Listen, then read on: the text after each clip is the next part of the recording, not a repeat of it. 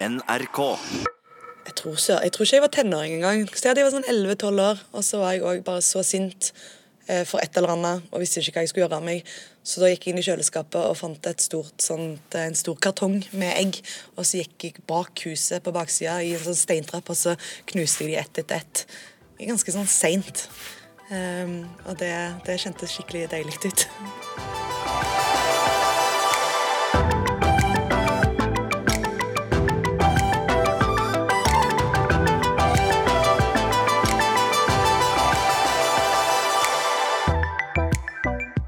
I starten var vi en familie på fire.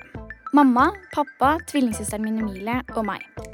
Pappa og Emilie var de to rolige, kontrollerte. Mamma og jeg derimot var sinte. Jeg har alltid fått høre at jeg er en sint jente. Da jeg spilte fotball og basketball som liten, fikk jeg alltid beskjed om å roe meg ned. Ikke hiv ballen for hardt, ikke spill så tett i forsvar, ikke ta sklitaklinger, ikke ta så mye plass. Det var jo ingen av gutta som fikk beskjed om å roe seg ned. Hvorfor er det sånn?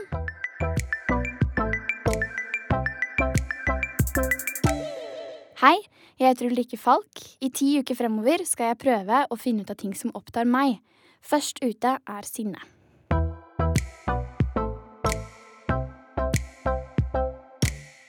Hei, paps. Hei, Ulrikke. Opplevde du meg som et sint barn? Ikke i det hele tatt? Ja, det Nei da. Mener du det? Jeg mente ikke det. Det Nei, var en okay. spøk. Ja, jeg opplevde deg som et sint barn. Mm. Mm. Har du noen historier om da jeg ble skikkelig, skikkelig sint? Jeg har mange historier om da du ble skikkelig sint. Eh, sånn som jeg husker kanskje best, er vel egentlig sånn da du var liten og vi skulle et eller annet. Unge kan jo være litt sånn vriene når de skal gå fra en situasjon til en annen. Uh, og da, Det var du spesielt litt happy med. Og da husker jeg du, du kunne ligge på gulvet og sprelle og hyle. Og bare slå rundt og sparke rundt og skrike så høyt du kunne. Det husker jeg. Mm. husker jeg godt. Syns du jeg var mer vrien å forholde seg til enn det Emilie, min tvillingsøster, var? For jeg har jo sett på hun som mye mindre sint. Det var jo det som var vanskelig også, at hun fikk liksom Fikk ting ti eh, til, mens jeg bare lå og var sint. Så det ble så tydelig å sammenligne oss. Ja, ja, Det var jo lettere å forholde seg til Emilie. Det var det. Mm. Ja. Ingen tvil om det. Men, men det er sånn man har, Å forholde seg til ungene sine er jo mange lag der òg. Det er ikke Det er bare her veldig, og nå. Ja, ja, det er mye, mye refleksjon som foreldre. Så jeg, jeg tror nok jeg har tenkt masse på Emilie også. At, eh, men jeg, jeg prøver ikke å tenke at det, det har vært vanskelig å forholde seg til barna. Jeg ville jo aldri vært foruten de greiene der. Det er jo noe av det morsomste som har skjedd i hele livet mitt. Mm. Og det er jo relativt gøy enda. Mm. Ja. Så vanskelig var det i, sikkert i situasjoner. Men ehm, Og da var alltid Emilie sånn som trakk seg, for hun skjønte at det var ikke plass til to som var sinna. Og da er det jo sånn Ja. åpenbart. Det er jo ikke Emilie som er vanskelig. Det er jo den som skriker høyest som er vanskelig. Ja. Så, Sorry.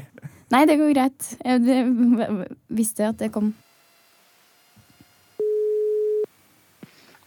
Hei, Emilie. Eh, kan ikke du fortelle en gang da du var skikkelig skikkelig sint på meg? Eh, vi var på ferie, Jeg hadde ligget inne hele sommeren og sett på serie.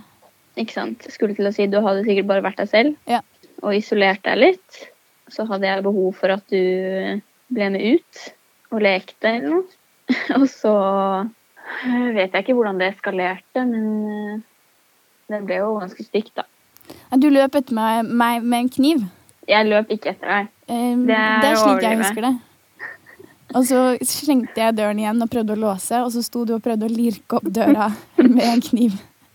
Alt jeg husker, var at jeg hentet en kniv, rolig og sindig. og så løp du opp på rommet, Ja. og så stakk jeg en kniv inn i nøkkelhullet og truet deg. Husker du den gangen jeg løp etter deg med kniv? Det var vel en seanse hvor eh, Hvor du var sint på meg for et eller annet. Usikker på hva. Kan bare ha vært at eh, tempo, eller holdt opp si, temperaturen ble litt høy. Ja. Og så, og så løp jeg inn på do. Og så kom det en kjøkkenkniv i doveggen litt senere. Ja. Men det er vanskelig å huske innholdet av sinne. Ja. Men eh, det er bare at eh, man når et visst punkt Hvor man mister liksom hvor man mister det. Ja. Og der tror jeg vi, er, vi kan provosere hverandre mye der hvis vi vil. Vi har slåss mye. Det er ingen, Har vi det? Ja, jeg, altså, jeg har masse minner om at jeg, altså, jeg bare har blitt varm i hele kroppen og bare måtte dytte deg. Ja. Så sint. Veldig sint. Veldig sint. Emilie har, som pappa sa, alltid justert seg etter meg. Da jeg var sint, var hun stille. Da jeg tok plass, tok hun et steg til siden.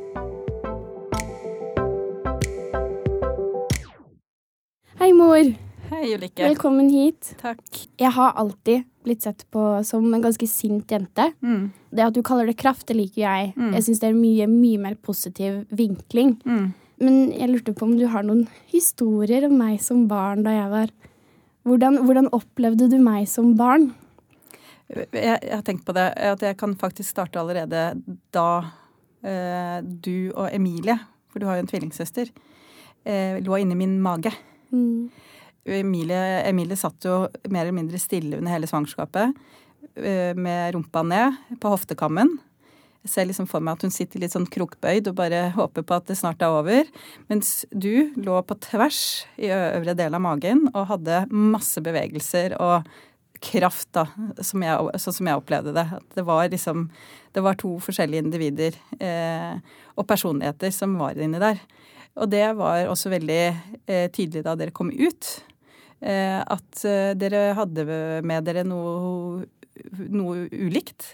Og så syns jeg det egentlig er litt sånn problematisk å si altså For jeg har aldri egentlig opplevd deg som sint. Og det er den Det som jeg kaller kraft hos deg, da.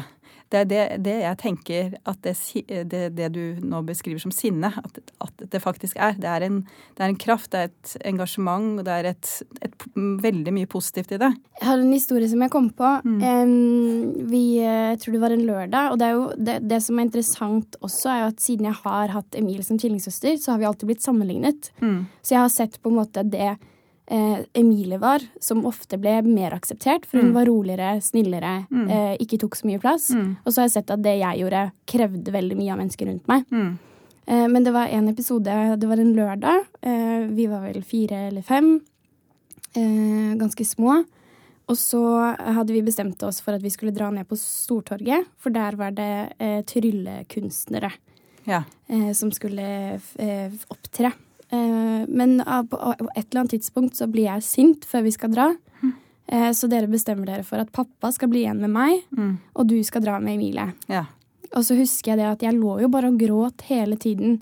Og pappa ble også straffet for at jeg var sint. For han, Mm. måtte jo, han fikk jo ikke sett på tryllekunstnerne, han. Mm.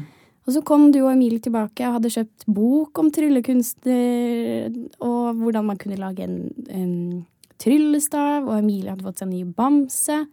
Og jeg hadde gått glipp av alt dette. ja. Og pappa også, dessverre. um, nå konfronterer jeg deg litt. Syns du dere håndterte meg og Emilie og forskjellene våre godt? Når du forteller den historien, så tenker jeg jo at det, det er jo egentlig ganske dårlig Ja, måte å håndtere det på. Eh, I form av at man på en måte Man forsterker på den ene siden det, sterke, nei, det snille i Emilie, og så forsterker man eh, det tilsynelatende slemme, da, som jeg tenker at du ble sittende igjen med en følelse av at du gjør gale ting, og derfor må du være hjemme. Eh, og, eh, sånn at det blir jo på en måte ja, det er dårlig håndtering. det, det, men jeg tenker jo det handler om å bryte sant, de mønstrene og, og, og, og finne en annen inngang til å løse sant, ditt temperament da, i en sånn situasjon. Men eh, jeg har tenkt at noe av likheten vår er at du også vokste opp og var sint jente. Eh, det var jeg nok. Men som jeg sier, jeg tror jo å dytte deg inn i kategorien sint jente ikke er helt riktig. Og jeg opplevde på mange måter det samme. Om det var gjennom idrett eller på andre vis. Jeg husker jo at jeg eh, sto opp på pulten i første klasse på barneskolen og kjefta på læreren fordi et eller annet var urettferdig. At det handler jo ikke egentlig om sinne. Jeg tenker det bare handler om at man vil noe. Og så er det liksom, som jeg sier, hvordan omgivelsene tar det imot. Noe av det som er vanskelig med sinne, er jo at kanskje noen ikke tåler det, da, på grunn av det sinnet. Mm. Om jeg hadde hatt venninner som kjeftet på meg, så hadde jeg syntes det vært kjempevanskelig. Jeg lurer på om du noen gang har vært redd for at noen ikke kom til å tåle deg? Ja, jeg har vært redd for det hele livet. Altså, og er fortsatt redd, på en måte. Å være for mye og være for kraftfull og Og så blir jo det Altså, man modnes jo uh, på mange måter, sånn at jeg tenker at det er ting ved meg som jeg uh, har endret på fordi jeg har blitt mer voksen. Uh, så det har på en måte ikke vært en sånn kamp knytta til det. Men jeg har veldig det i meg at den jeg var da, som barn, at det var noe som kunne oppfattes som negativt av andre. Du nevner det ofte for meg at du vil at jeg skal ta den kampen her nå, som du begynte å ta som mm. 40-åring. Mm. At jeg skal slippe å gå gjennom alle de årene med, samme, øh, med det samme problemet som det du har hatt. Ja. Ja, at det å tilpasse seg gjør jo til slutt at du ikke har Altså hvis du gjør det veldig mye, så tenker jeg at du mister deg selv. Absolutt. Ja. Og det er det å liksom finne den balansen, da. Eh, I veldig, veldig mange år så har jeg eh, prøvd å være noe annet, da. Også som vi innledet med, samtidig så har det på en måte bare vært umulig på et vis å unngå å ha med seg den derre energien og engasjementet og sånn. Så det har liksom bare eh, brutt igjennom eh, på et vis det livet jeg har prøvd å, å skape meg for å, for å, passe inn, da. Så det har vært litt sånn, Av og til så tenker jeg at jeg har levd to parallelle liv.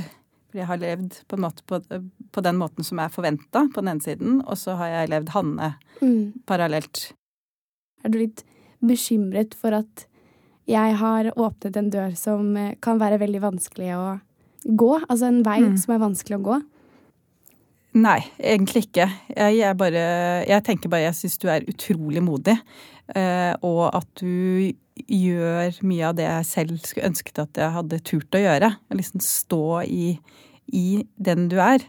Eh, det som jeg kan være bekymra for, er jo hvordan du takler på en måte anførselstegn motstanden du får. ikke sant? At det, det, er eh, Du går ut offentlig, og du får mye drit også. Og hva det gjør med deg, det er jeg ikke alltid like trygg på. Eh, for det tenker jeg man er jo også sårbar eh, i det her. Eh, men bekymringen er mindre enn det at kjør på. Bare guff på. Fordi dette trenger verden å høre. At, og, og, se, ikke minst. At man, man tør å, å, melde. Og ta plass. Mm. Jeg har jo alltid vært veldig, veldig frustrert over at du ikke har vært den mammaen jeg mente du skulle være. Mm. Eh, og det husker jeg en veldig veldig konkret situasjon. For du var baskettreneren til både meg og søsteren min. Mm. Og vi skulle, vi skulle, prestere da vi var på banen. Eh, og så husker jeg at det var en gang vi var på basketbanen hvor jeg ropte 'Mamma, kan du ikke bare være mammaen min?' Ja. og så sa du 'Nei, jeg er treneren din'. ja. Og det husker jeg var så jævlig, jævlig irriterende. Ja. Jeg vil jo bare ha klem, jeg, selv om jeg har blitt utvist for å ha vært altfor voldelig på basketballbanen. Ja. Fem feil og ut. Ja. Ja. Jeg var jo en vel engasjert trener, så jeg burde kunne klare kanskje å snekte inn litt sånn uh, mammaomsorg eh, inn i det. Jeg syns det gikk helt fint, det. Det har gått bra med oss. ja, jeg hadde kanskje sagt noe annet hvis det ikke gikk bra med meg. Ja.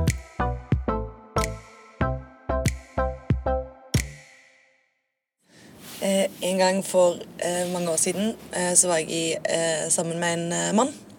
og så hadde vi en krangel som endte med at han dro fra leiligheten og jeg ikke fikk det siste ordet. Så da svartna det for meg. Og så tok jeg alle klærne hans eh, han hadde i leiligheten min, og kasta ut, eh, ut, i Torgata, rett overfor grønnsaksforhandleren der. Og så tenkte jeg at ha-ha, det skal han få plukke opp når han kommer tilbake. Og så kom han aldri tilbake, og så begynte det å regne. Og så måtte jeg ut i Torgata i regnet og plukke opp klærne jeg selv hadde kasta ut.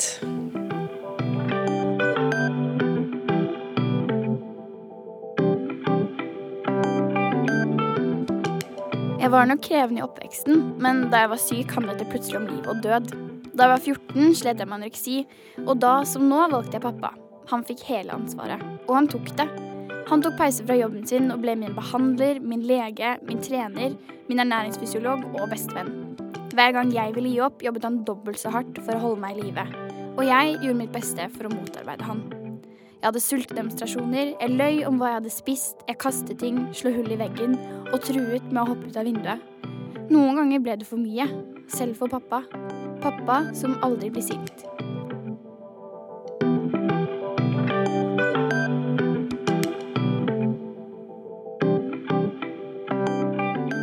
Jeg kjenner meg egentlig mer igjen i mamma når det kommer til sinne, enn det jeg kjenner meg igjen i deg.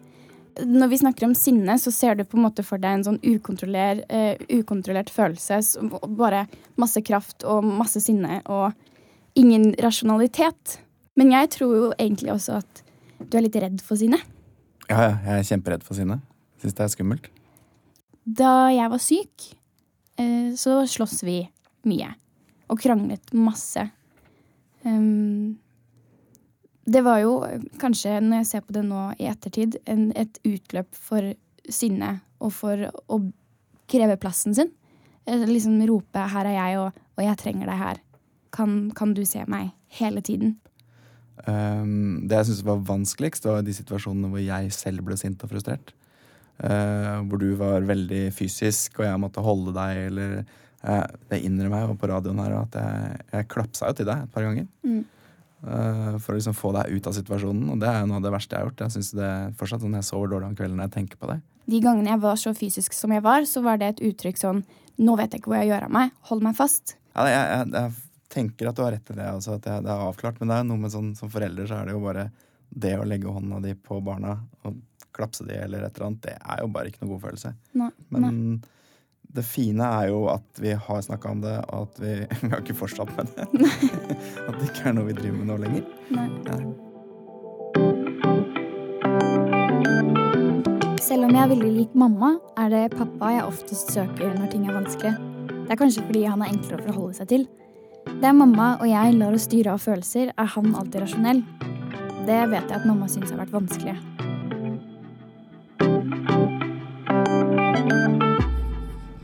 Kan du huske en situasjon eller en krangel vi har hatt hvor jeg har gjort deg ekstremt rasende? Ja, men jeg tror jo det går på når ting blir veldig sånn eh... Jo, men ikke vær flink, ikke svar sånn. Men, men, fortell. Har du en historie? Har du noe ja, du husker? Jeg, jeg, jeg, tror I den perioden hvor du var syk, så hadde vi jo en del konfrontasjoner. Og da er det jo knytta til at du angriper meg som person. Altså at det var veldig sårende. Men også fordi eh, åpenbart at jeg ble såret fordi du traff noen ting, ikke sant? Ja.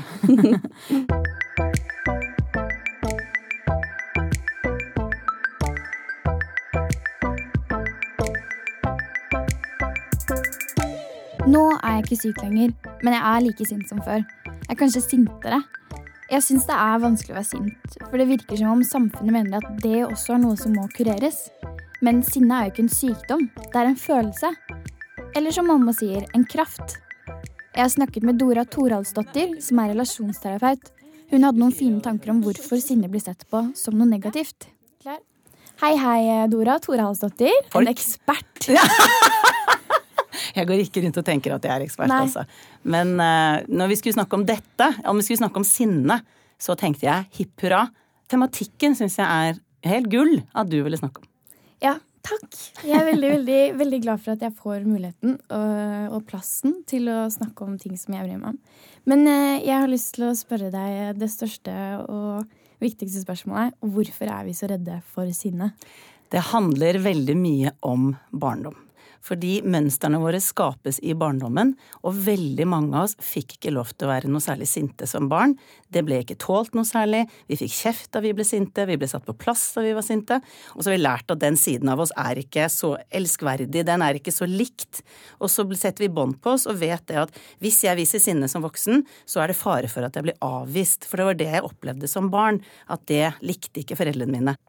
Jeg, jeg, er veldig opptatt av at uh, vi skal begynne å, å, se på sinne som noe positivt. Mm. Uh, jeg tror at det er en av veiene til å på en måte bearbeide den følelsen og fjerne stigmatiseringen rundt det. Mm. Men uh, har du noen ideer om hvordan vi kan gjøre det til en positiv ting? Ja, jeg tenker at det å begynne med og Det er derfor jeg var så glad for at du skulle ta opp dette temaet. For jeg tror vi trenger til å begynne med å snakke om det. Fordi at det skjer ingen endring før vi faktisk blir bevisste. Sånn at da må vi ta sånne museskritt på å våge å være sinte og kjenne etter at det blir tålt. Men vi trenger å snakke om det, og vi trenger å tydeliggjøre at det er en del av det å være menneske. Og jeg syns det er så befriende de gangene jeg er sint. Og er, det er samsvar med hva som skjer på innsiden og det som skjer på utsiden. For kroppsspråket ditt avslører jo kanskje at du er rasende. Men hvis ikke du sier noe hvordan du har det, så blir det veldig mye sånn wow, nå er det mye som skjer, og vet jeg fader hvor den andre personen er. Og så blir det tolkninger og misforståelser og mye krøll. Jeg lurer på um, Det er en forskjell på sinte jenter og sinte gutter? Vi har fem grunnfølelser. Sinne er én av dem. Og de, den følelsen blir dessverre veldig mye gjort lite ut av. Eh, veldig mye satt bånd på, særlig mer, mer, hos jenter enn hos gutter. Nå er jeg i gang Plutselig er det et foredrag. Men eh, grunnen til at vi kaver så mye med sinne, er at vi assosierer det veldig fort med å bli avvist. Og derfor syns mange av oss det er veldig vanskelig med sinne. I tillegg til at vi har et samfunn der hvor jeg mener at sinne er en av de siste tabuene det er tabu å miste kontroll. Det blir latterliggjort veldig fort. Eh, og Navarsete er jo et kjempegodt eh, bilde på det, for hun var jo statsråd og mista liksom Altså, ja, hun ble jo kjempesint da hun var på et sykehus. Og det ble så mye latterliggjort, og det tenker jeg er et prakteksempel hvor kort vi har kommet, at det blir forbundet med å miste kontroll. Istedenfor at herregud, hun ble jo konfrontert med noe hun ble veldig sint for, og så reagerte hun der og da som et menneske. Men så vil vi helst ha politikere som tydeligvis da ikke er mennesker.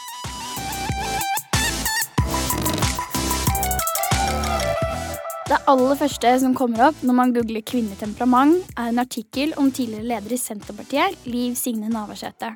I 2012 ble hun offentlig hengt ut etter at hun hadde hatt et følelsesutbrudd under et presseintervju.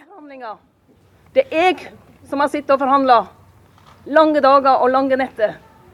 I flere timers telefonkonferanser.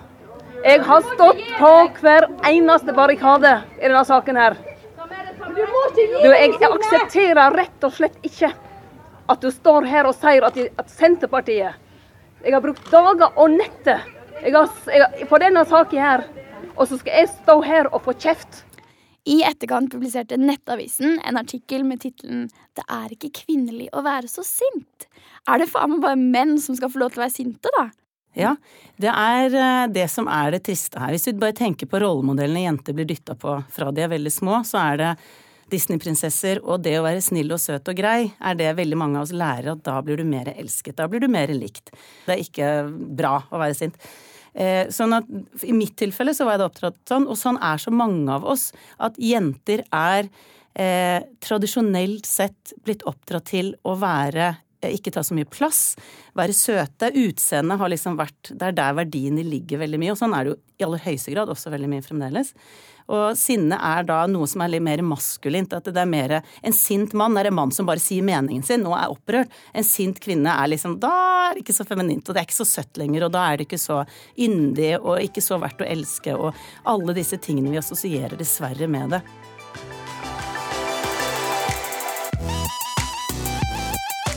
Så det er allerede fra vi er barn at vi får beskjed om at sinne ikke er bra. Det er jo ikke rart at jeg har gått hele livet og skammet meg over sinnet mitt. Det gjør vi jo sikkert alle sammen. Heldigvis så har jeg funnet en arena der jeg kan få lov til å være sint.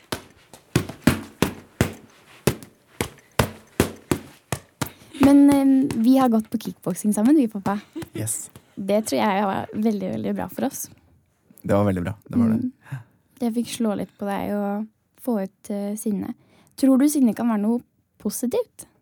Ja, jeg tror sinne kan være positivt. Sånn, det har jeg merka med meg selv de gangene jeg eh, det er en eller annen sak Hvis noe har skjedd som noen har gjort som åpenbart var dumt eller galt, da, og som de ja, kanskje ikke vil stå for, eller et eller annet sånt, så kan jeg bli sint på en positiv måte.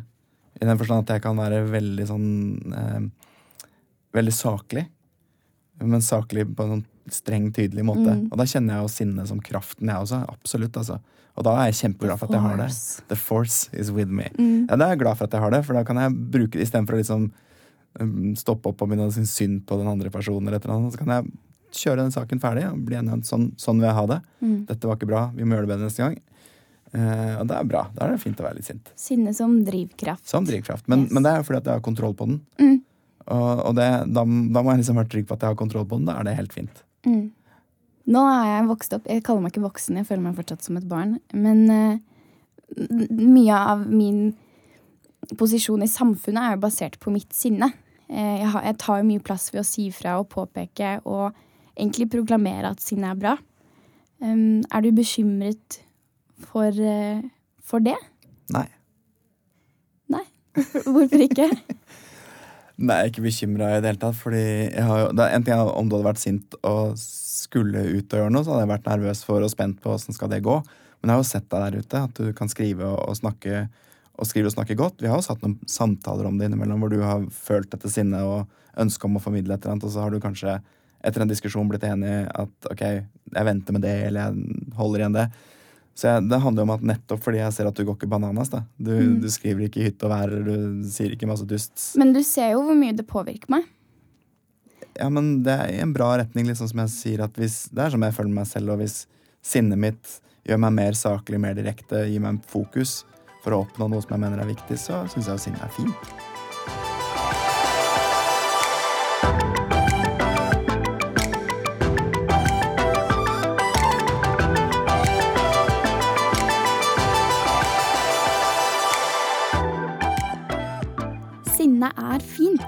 Men da må vi få lov til å vise den følelsen og bruke den kraften som Dora sa, det er så befriende når det er samsvar mellom det som skjer på innsiden og det som skjer på utsiden. Jeg vil at vi skal se på sinne som noe positivt og oppmuntre mennesker til å bruke sinnet sitt konstruktivt. Det trenger jo ikke være sånn at sinne er farlig og ukontrollerbart. Kanskje vi kan se på sinne som engasjement eller motivasjon? Så er du sint, sånn som meg, fortsett med det. Og dere andre, dere må bare lære dere å elske den siden av oss også.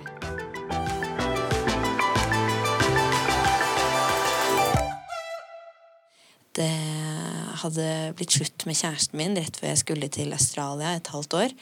Og mens jeg var der, så kjente jeg på at eh, jeg vil ha han tilbake. Og så kom jeg hjem den sommeren, og så var vi på Tønsberg brygge. Så så jeg at han satt med en annen jente. Så var jeg veldig, veldig, veldig desperat da, på at han skulle se meg, så jeg satte meg imellom de og sa rett ut Eh, men hva er, du, hva er, det du, gjør? Jeg elsker deg jo. Og så sa han, men jeg holder på med hun her, liksom. Ser du ikke det? Og da bare kjentes det som jeg skulle brenne opp innvendig. Så da tok jeg av meg begge skoene mine og pælmet de ned i vannet. Så jeg gikk hjem uten sko og følte egentlig at eh, jeg hadde akkurat liksom kjent på hvordan det var å implodere. Om en uke skal vi snakke om noe annet som opptar meg, nemlig vennskap. Og jeg skal annet snakke med bestevenninnen min Katrine i jakten på det perfekte vennskapet. Et vennskap som kurerer ensomheten.